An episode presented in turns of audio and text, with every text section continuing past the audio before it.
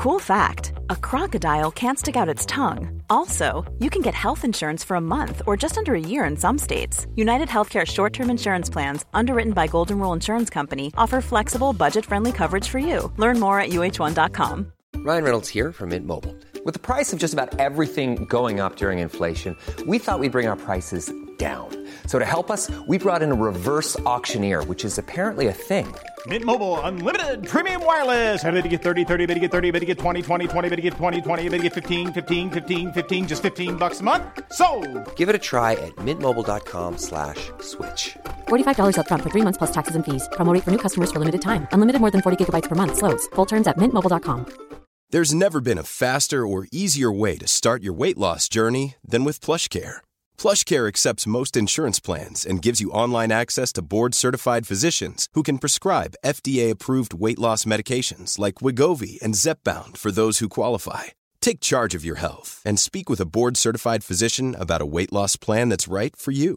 Get started today at plushcare.com slash weight loss. That's plushcare.com slash weight loss. plushcare.com slash weight loss.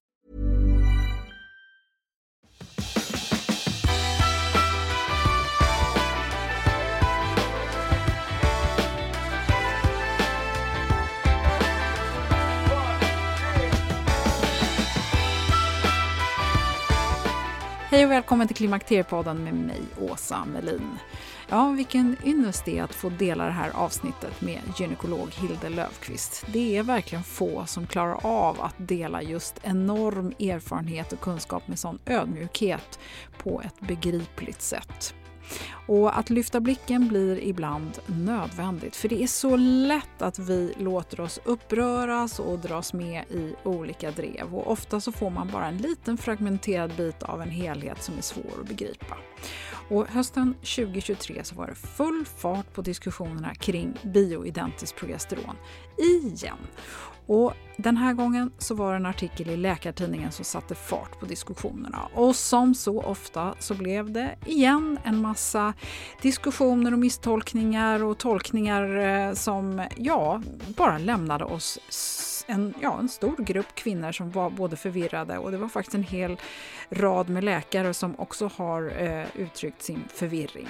Och jag har försökt få en del klargöranden kring vad Svensk förening för obstetrik och gynekologi ville med sin ursprungliga artikel och då kan du lyssna på avsnitt 306 där vi försökte reda ut det här tillsammans med professor Angelica Lindén Hirschberg. Ja, Eh, och kanske så är det så att just det här avsnittet ger dig som kvinna lite mer begriplig information. För Hilde, hon är väl den i Sverige som jag vågar säga har arbetat mest med just bioidentiskt progesteron under sin tid som aktiv gynekolog. På klimakteriepodden.se så finns det en hel rad med intressanta länkar och jag vill också gärna uppmana till att du lyssnar på förra avsnittet, det vill säga 319 som var del 1 av det här samtalet. Och just ordet östrogendominans kommer tillbaka och det har Hilde och jag gjort ett helt avsnitt om och det är 169 som är högst relevant för dig som är i förklimakteriet. Och I det här avsnittet så pratar vi också en hel del om olika anledningar till att överhuvudtaget ta hormonbehandling och varför en kunnig läkare att diskutera både start och avslut med kan bli helt nödvändigt. Så välkommen att lyssna!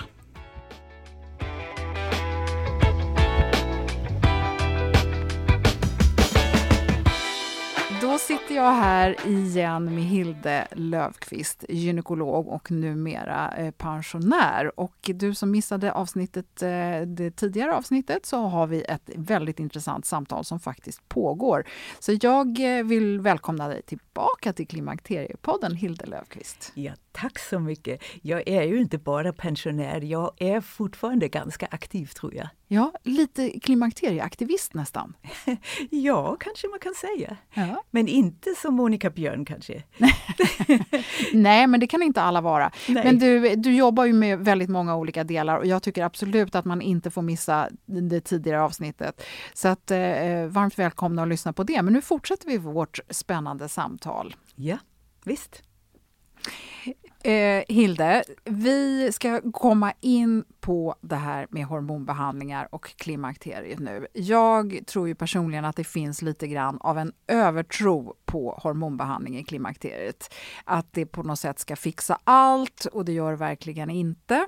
Även om det nu eh, kan ge otroligt mycket. Men förr eller senare så måste man också sluta och hur gör man då och vad är bäst enligt din erfarenhet? Men innan vi, vi kommer in på att sluta så tänker jag också att det är fortfarande så få kvinnor som ens vill börja.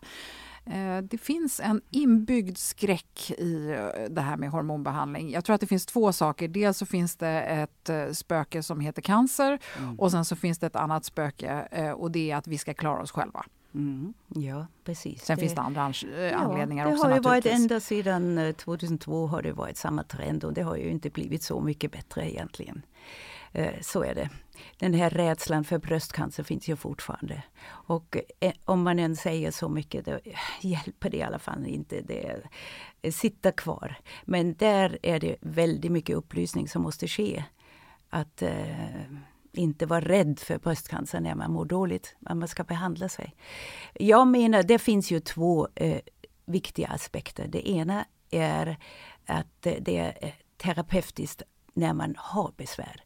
Alltså då har man vallningar, svettningar och det är ju 30 procent av kvinnorna, har man ju sett i studier, eh, som lider väldigt starkt av det. Och de sover dåligt och eh, presterar mindre och då kommer allt det där med stress in. Alltså de minskar ju sina resurser. Alltså sover man dåligt, då då eh, kan man inte återhämta sig. Och utan återhämtning orkar man inte. Och då sker ju mycket i hjärnan också, där med serotoninbrist och allt det här som man kan då få fram. Eh, men där, det viktiga är ju där är det här terapeutiska, att man har ett väldigt bra medel. Det är alltså östradiol. Det hjälper mot svettningar och vallningar. Sen har man ju nya medel som även arbetar mot eh, svettningar i temperaturcentrum. Alltså det kommer nog nya eh, så småningom eh, där man alltså kan kringgå det här med östradiol i alla fall för de som har bröstcancerproblem. Alltså som redan har en bröstcancer. Så det finns mycket som kommer och är nytt och man befattar sig med att hjälpa kvinnor mot klimakteriebesvär som är så akuta när de hända då kring den här tiden i perimenopausen som kan vara fem år eller tio år även. Alltså kvinnor som lider väldigt starkt, de har ju ofta eh, redan besvär långt innan mensen slutar. Så det, det, finns mycket att säga om det här, om den här akuta behandlingen och då ska man inte tveka. Därför då är man ju kanske bara 45 eller 50 eller 55. Ja, då är man mitt inne i det här att hormonerna sviktar. Men sen kommer en annan aspekt, det är ju den här äh, äh, ja, vad jag säger, window of opportunity, alltså förebyggande, vad man har gjort i forskning och den ska man inte glömma. Vi är ju inne i det här, åh, oh, jag ska bara fixa allt och nu ska jag fix, quick fix, att jag blir bra. Men den här långsiktiga effekten, det är det jag har försökt förmedla till kvinnorna. Att det är bra för hjärta själ, att man eh, kan eh, hjälpa dem att bevara den struktur och eh, alltså just eh, elasticiteten ännu ett tag till. Men sen är det självklart att man inte ska röka och man ska äta rätt och man ska motionera. Och, eh, ja, alla dessa livsstilsfaktorer som också kommer till. Men det vetenskapliga med östrogen det är ju verkligen slående. Och sen har vi då också osteoporosen, glöm inte det. Osteoporos är ju förskräcklig när man är gammal och har ont och bryter sig och, och sitter i rullstol. Ja men det kan man inte tänka på när man är 50 år. Därför då springer man runt, ja, man bryter armen, okej okay, det går ju över. Då kan man få gips och sen är det bra. Men man måste ju ändå tänka på att det finns många som har risk för osteoporos. Och sen har vi det här med demensen, hjärnan. Och då har vi också mycket annat som eh, påverkar hjärnan förstås. Det är multitasking och att vi inte sköter oss och stress. Men vi har också hormoner. För det finns mycket forskning som kommer här nu framöver. Ja, Det är Men- det jag ville men- bara säga. Ja, men Hilde, då, då, då låter det lite som att man borde ta hormoner vare sig man har, känner av sina klimakteriebesvär eller inte. Det är den gamla frågan, ja. Ja, exakt. Men jag tycker kunskap är nummer ett. Vilken kvinna har inga klimakteriebesvär? Ja, Agnes Wold kanske. Och hon har ju klarat sig fint. Hon har kanske egna resurser, verkligen. Men det är väldigt många som ändå har lite besvär. Och de är väldigt eh, så här eh, som eh, martyr, tror jag. Eh, de står ut ändå och det är inte bra. Varför ska man stå ut? Om det finns väldigt mycket som talar för och inte farligt. Jag har försökt förmedla detta så många gånger. Men det finns ju fortfarande kvar fördomar. Det kommer vi aldrig eh, att kunna eh, ta bort helt och hållet.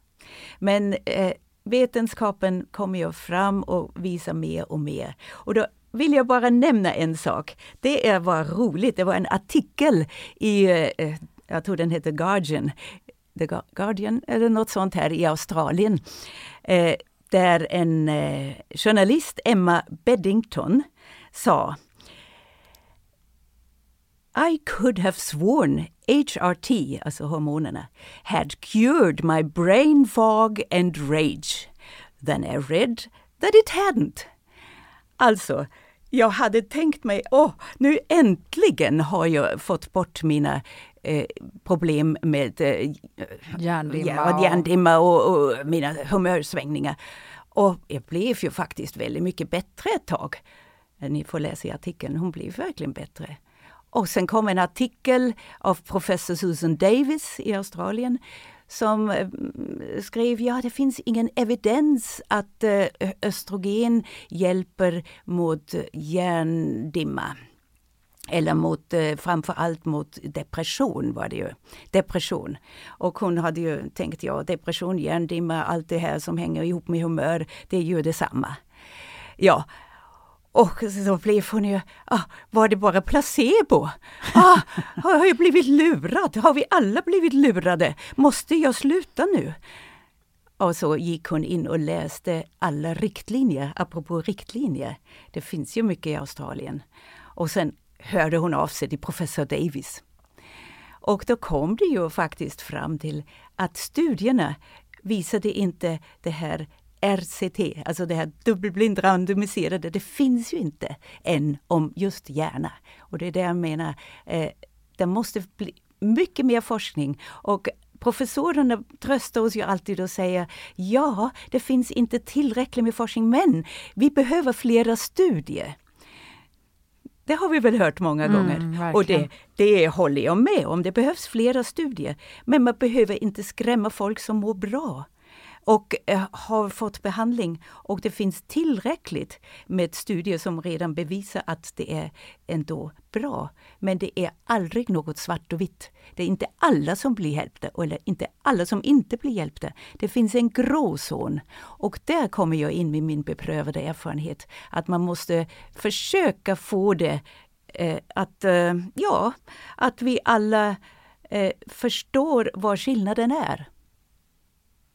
Men då kommer vi tillbaka till det här med att sluta då. Om det här nu är så vansinnigt bra, eh, det här med hormoner, och man mår bra på dem, vad, vad ska man göra då? Hur ska man tänka? Ska man bara fortsätta och fortsätta fortsätta om man är en frisk kvinna för övrigt och, och, och känner sig bra? Eller ska man trappa ner? Eller ska man bara bestämma sig för att nej men fem år får räcka, och så, eller tio år får räcka, eller sju år eller vad det nu är?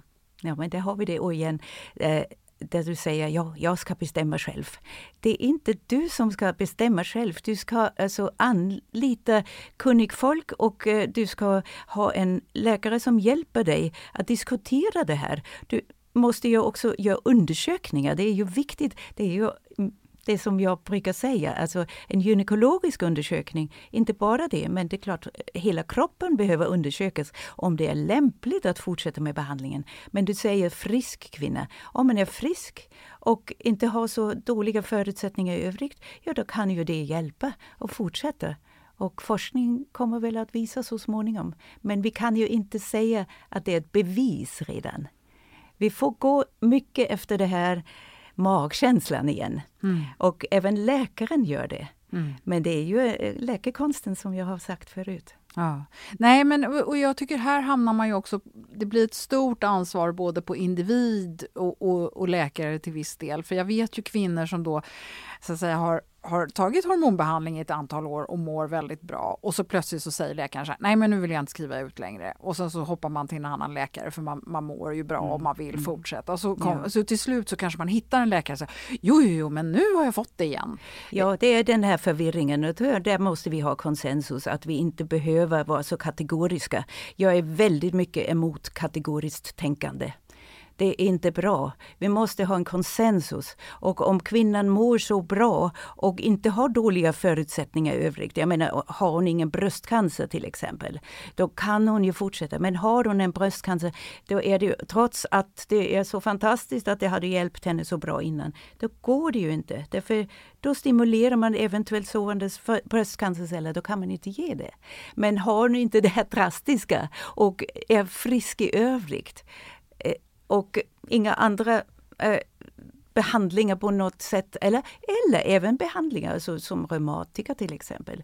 De mår ju dåligt att de plötsligt eh, slutar med hormoner. Ja, men det hjälper ju för leder och för benstommar, för allting. Alltså, jag förstår inte att man inte tar in helheten. Mm. Men, och, och, då kommer vi ju tillbaka till att man måste ha en kunnig person att bolla det här med. Det, det, det mm. blir Men så det, viktigt. Det blir så tror jag. Mm. Mer och mer utbildning för läkare, eh, mer kurser.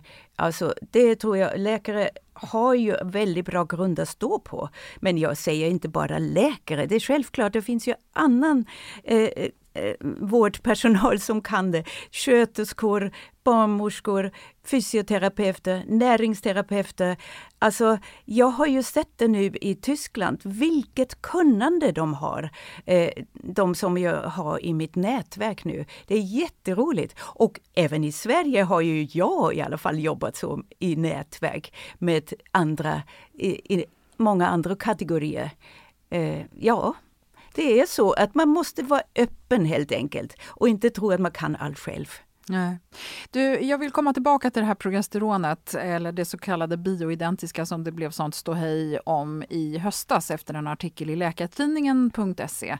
Eh, den låg alltså på nätet och från eh, styr, avsändaren var Styrelsen för Svensk förening för obstetrik och gynekologi. Och du skrev ju då ganska rappt ett svar på eh, Läkartidningens upp, artikel här som eh, inte egentligen fick något bra offentligt svar. Eh, och jag har ju också haft med mig professor Angelica Lindén Hirschberg i avsnitt 306 men hon svarade kanske inte riktigt på alla detaljer som man hade önskat. Och framförallt så kan man väl säga så här att eh, Läkartidningen är ju egentligen ett forum läkare emellan. Men i den värld vi lever här och nu så finns det ju inte så mycket stängda dörrar utan all information kan vem som helst ta till sig, vem som helst kan sprida den och det kan få en ordentlig fart. Och jag skulle vilja att du bara ger en liten bakgrund och berättar då eh, det här som du tycker är väldigt viktigt att lyfta som är då östrogendominans som man hänvisar till och det här begreppet med eh, progesteronbrist och även det här med mentala problem i eh, perimenopausen framförallt och eh, även senare i klimakteriet.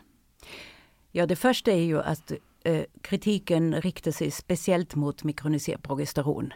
Och det finns inte i Sverige. Och hur ska man då kunna förskriva det på rätt sätt? Alltså man går ju efter SFOGs riktlinjer och det finns ju med. Eh, men eh, mer än det finns inte. Och då ska man kringgå och gör så här att man tar ett medel som är egentligen för eh, någon helt annan behandling, alltså som IVF till exempel. Alltså det, då får man ju ha kunskap om det här och det cirkulerar ju eh, ganska mycket men där behövs det eh, egen kunskap, återigen, säg som jag sa förut, eh, hos den som behandlar. Och eh, kanske är det lite lätt eh, att, att det kan gå fel där.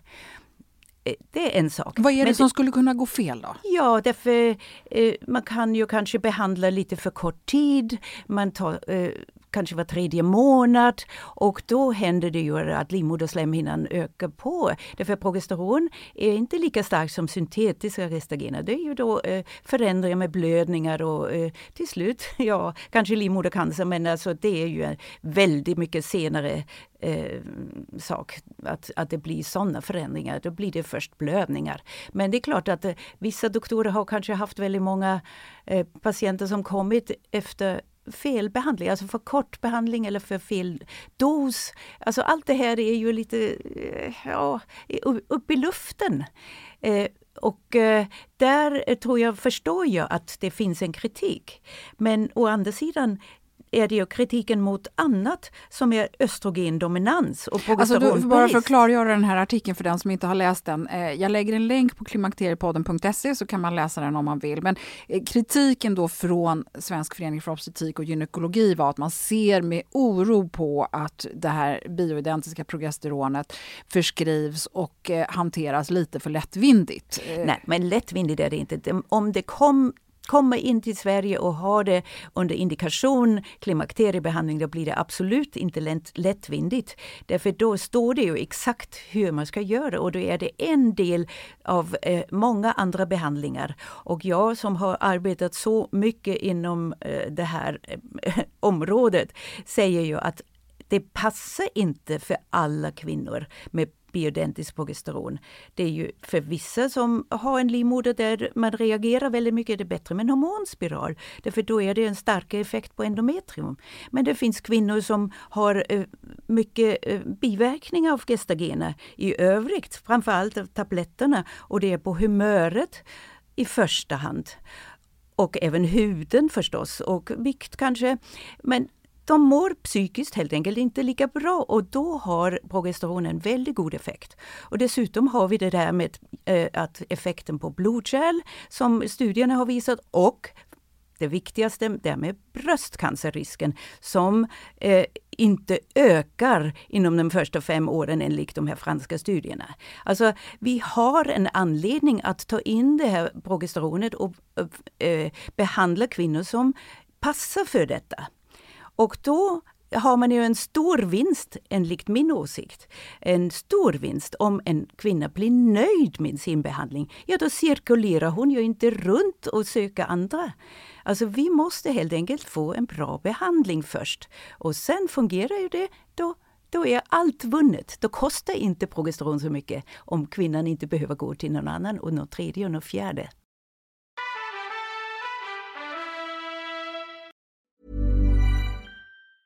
Many of us have those stubborn pounds that seem impossible to lose, no matter how good we eat or how hard we work out. My solution is PlushCare. PlushCare is a leading telehealth provider with doctors who are there for you day and night to partner with you in your weight loss journey. They can prescribe FDA-approved weight loss medications like Wagovi and Zepbound for those who qualify. Plus, they accept most insurance plans. To get started, visit plushcare.com slash weight loss. That's plushcare.com slash weight loss. Ever catch yourself eating the same flavorless dinner three days in a row? Dreaming of something better? Well, HelloFresh is your guilt-free dream come true, baby. It's me, Gigi Palmer. Let's wake up those taste buds with hot, juicy pecan-crusted chicken or garlic butter shrimp scampi. Mm. Hello Fresh.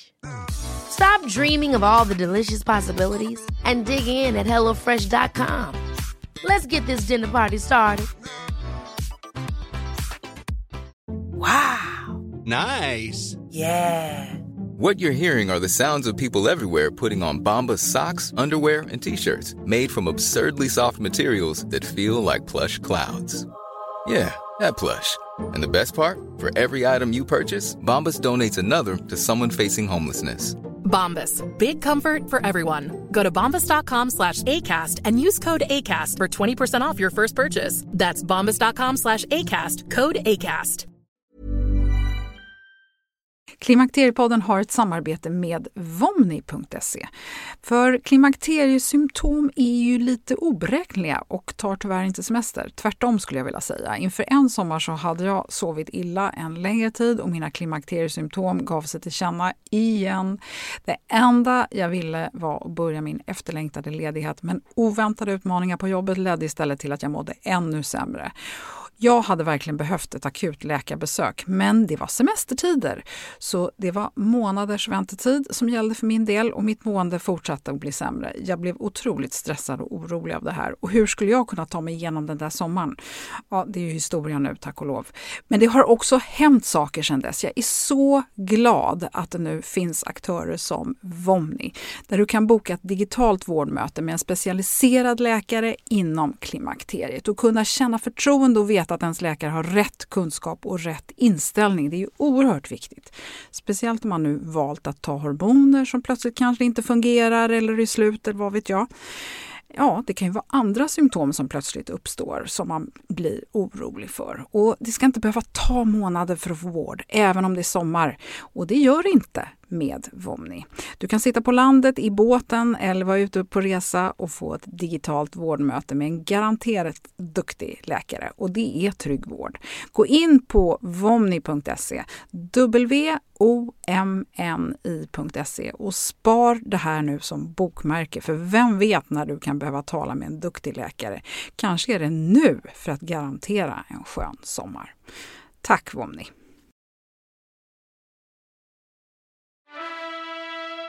Kan vi komma in på det här med, med det som du tycker är viktigt att lyfta då? Dels det här med östrogendominans. Ja, östrogendominans det är ju ett sånt här modeord. Ja, vi har ju pratat om det en gång för Jajamän. många år sedan. Ja. ja, ja, alltså men eh, det är ju det här att eh, när kvinnorna har bröstspänningar eh, och mensen inte kommer och som känner de sig blufsiga och ah, mår inte bra, sover inte bra. Eh, och mensen kommer i alla fall inte och då tror de att de är gravida. Men nej, de är inte gravida. De har faktiskt en relativ östrogendominans. Och det är det första att progesteronet faktiskt eh, sviktar i klimakteriet. Där har vi en relativ progesteronbrist och en östrogendominans. Mycket enkelt. Och då hjälper det med progesteron eller gestagen. Och varför inte progesteron istället för gestagen om kvinnan inte tål gestagener?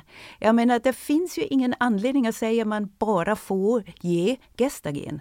Alltså, om valet är att ge gestagen eller inget, ja, då är det väl bättre att ge det som finns, alltså progesteron. Och om kvinnan mår bra, ja det kanske tar lite längre tid, det vill ha lite svagare effekt. Men det hjälper även om man har byggt upp en tjockslemhinna, blir det till slut bättre.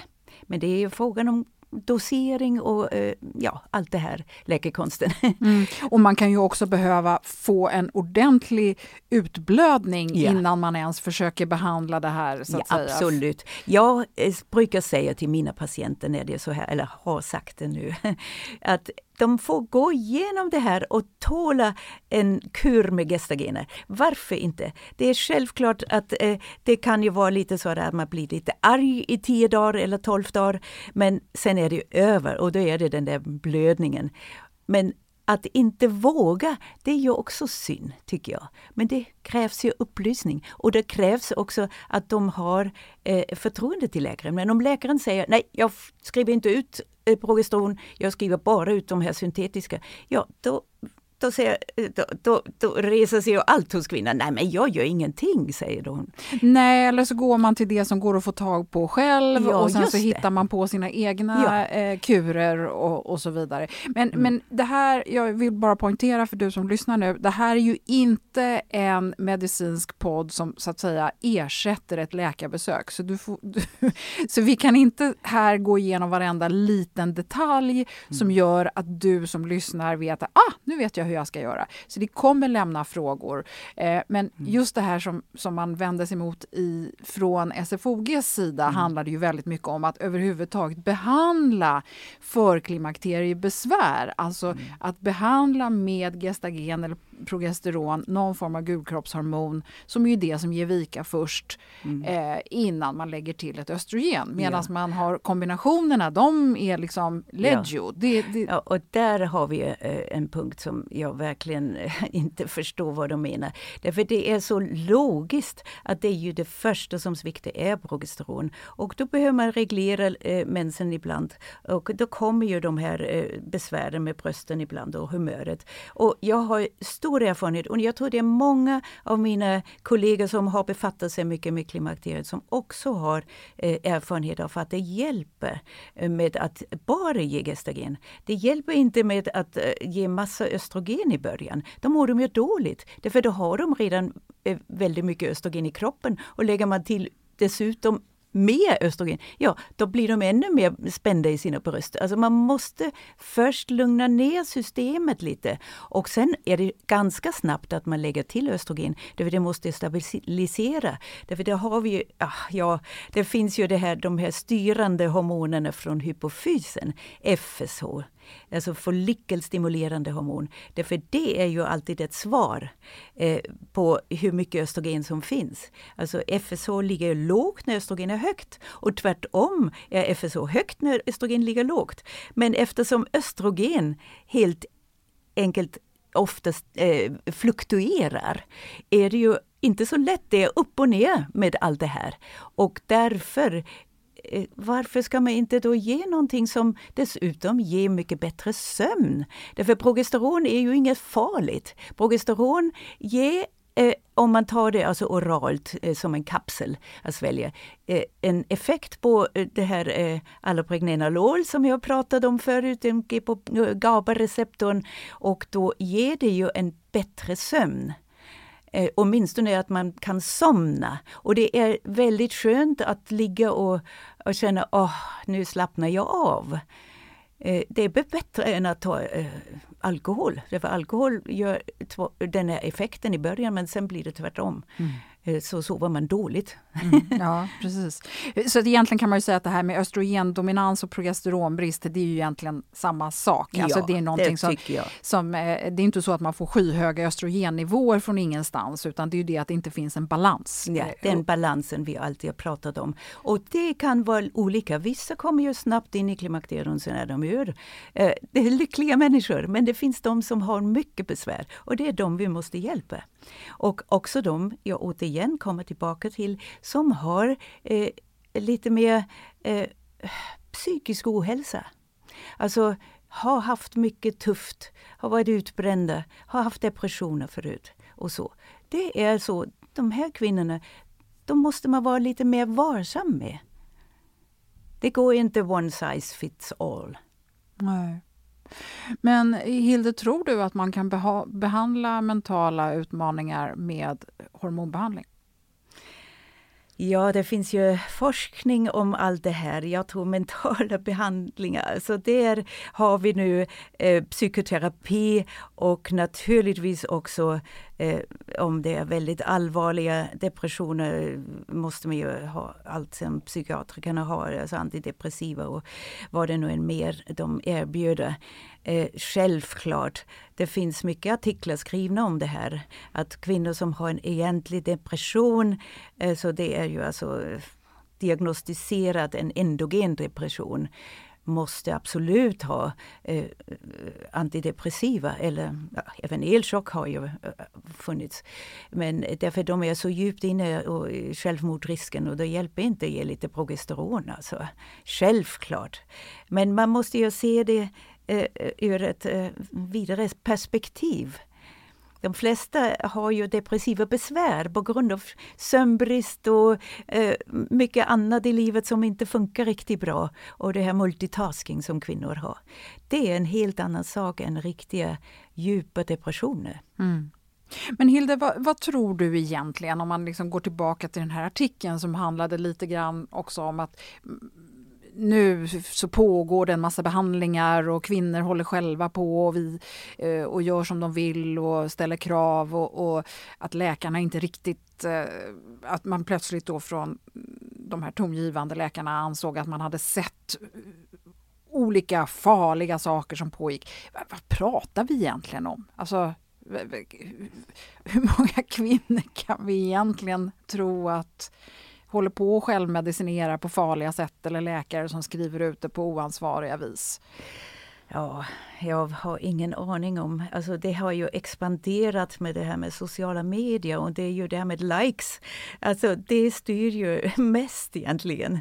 Och, och egentligen är det ju annat som ska styra, inte vad de andra eh, gör och så vidare. Så det är en förvirring. Vi måste komma tillbaka från den här förvirringen till sanningen tycker jag.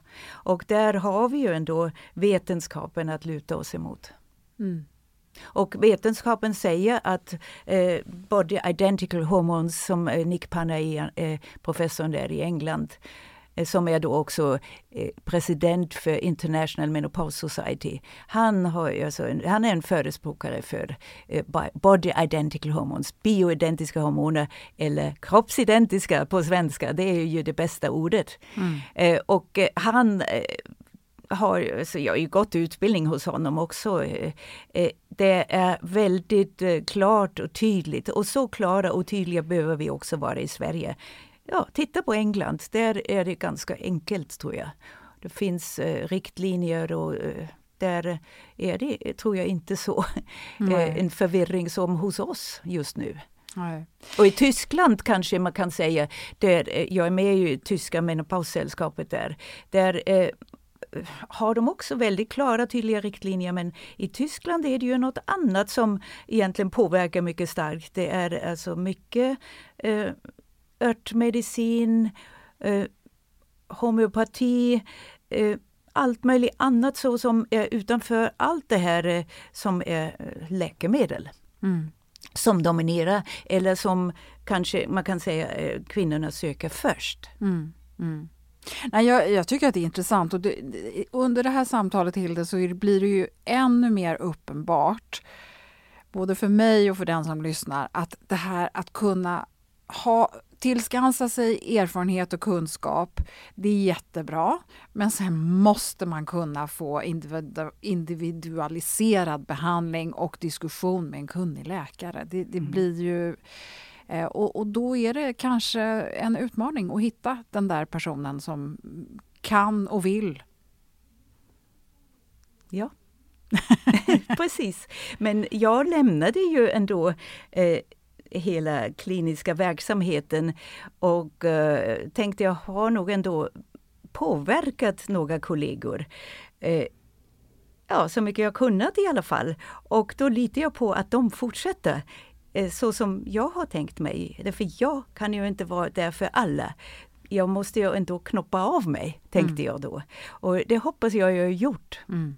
Och det finns ju utbildning eh, faktiskt eh, för eh, både i Sverige och utanför Sverige och det är någonting som du också förespråkar och som du själv har hela ditt eh, aktiva liv så har du åkt på utbildningar både kors och tvärs och hit och dit och det är ju inte alltid något som en klinikchef har så att säga stått för, eller hur?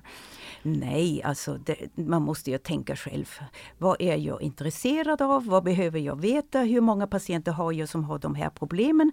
Ah, aha, då måste jag ha mer kunskap. Ja, då åker jag på utbildningar som jag tror att bra, det är bra för mig. Så så måste man ju tänka. Man har, bygger ju upp den här kunskapen själv. Mm. Man har ju sitt lilla bagage med sig också mm. som läkare. Men jag, jag, tror att ibland så kan det hos eh, läkare så kan det finnas ett, ett problem i att erkänna att man inte kan. Förstår du ja, vad jag menar? Jo, alltså det, oh, ja, det är jättejobbigt att man förväntas kunna så mycket. Men då måste man ju också erkänna att säga, ja, det kan jag inte. Och då ska man ju inte eh, förlora eh, patientens förtroende för det. Tvärtom, det är ju egentligen bra om en doktor säger, ja men du, det kan ju inte, jag ska läsa på. Men då behöver doktorn återkomma till patienten när den har läst på. Så att det är då det blir eh, ett förtroende och en dialog förstås. Men tror du inte att det är kanske här som den här häxjakten ibland startar?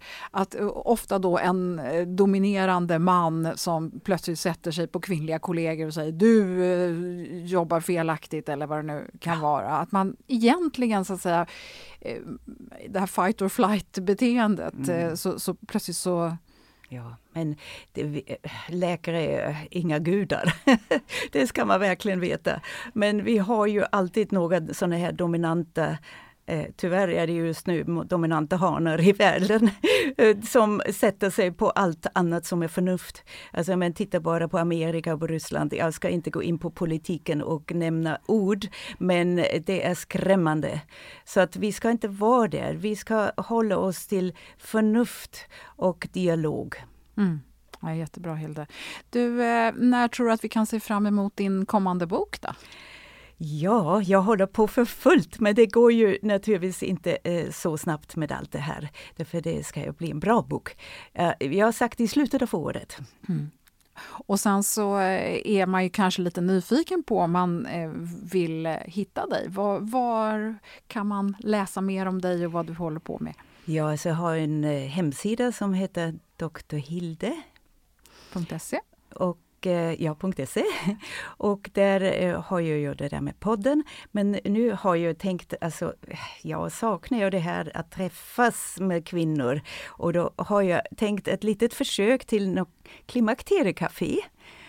Och det är något nytt. Eh, vi får väl se. Jag har en väninna som har en galleri med, eh, alltså där hon har utställningar, fina utställningar. Men det, eh, lokalen är för 30 personer max. Och därför vill jag, det passar mig också, för 30 max, mer kan man inte ha för att ha eh, ett sånt interaktivt forum.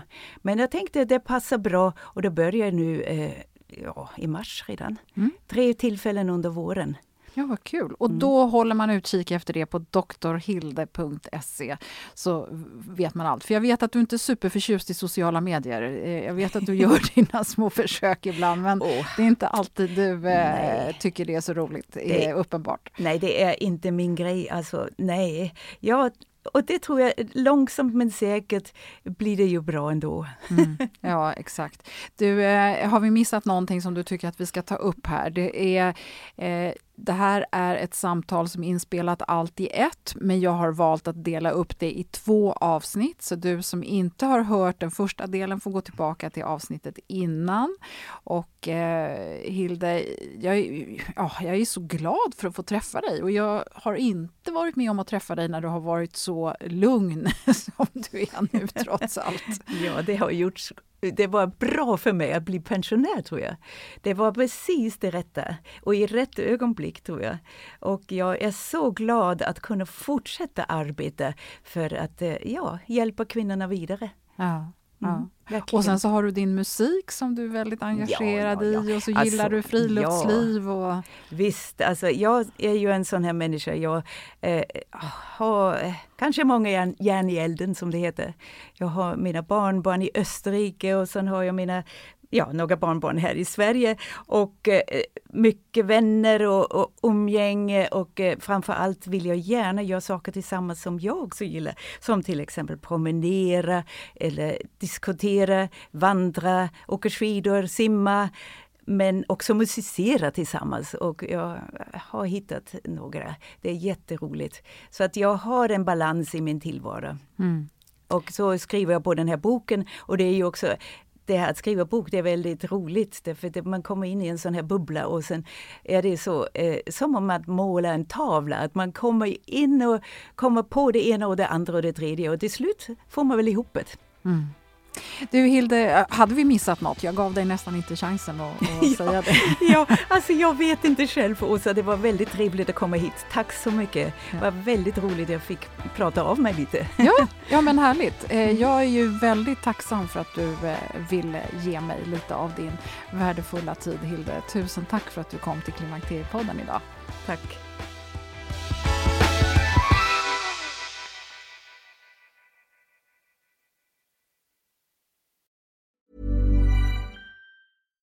This message comes from BOF sponsor eBay. You'll know real when you get it. It'll say eBay Authenticity Guarantee. And you'll feel it. Maybe it's a head turning handbag, a watch that says it all, jewelry that makes you look like the gem, or sneakers and streetwear so fresh every step feels fly. eBay gets it. So look for the blue check mark next to that thing you love and be confident that every inch, stitch, sole, and logo is checked by experts. With eBay Authenticity Guarantee, you can trust that feeling of real is always in reach. Ensure your next purchase is the real deal. Visit eBay.com for terms. Ever catch yourself eating the same flavorless dinner three days in a row? Dreaming of something better? Well, HelloFresh is your guilt free dream come true, baby. It's me, Gigi Palmer. Let's wake up those taste buds with hot, juicy pecan crusted chicken or garlic butter shrimp scampi. Mm. Hello Fresh. Stop dreaming of all the delicious possibilities and dig in at HelloFresh.com. Let's get this dinner party started. Roundabout Season 2, presented by Nissan, is live now, and we're back to share more stories from the road and the memories made along the way. We're talking rest stops. If we're stopping to get gas, you will be timed. Misguided plans. I grew up in the city, so I have like, you know, a healthy fear of real extreme darkness. a lot of laughs. Y'all weird, but you, yeah, you, you were different. And so much more. Listen and subscribe wherever you get your podcasts.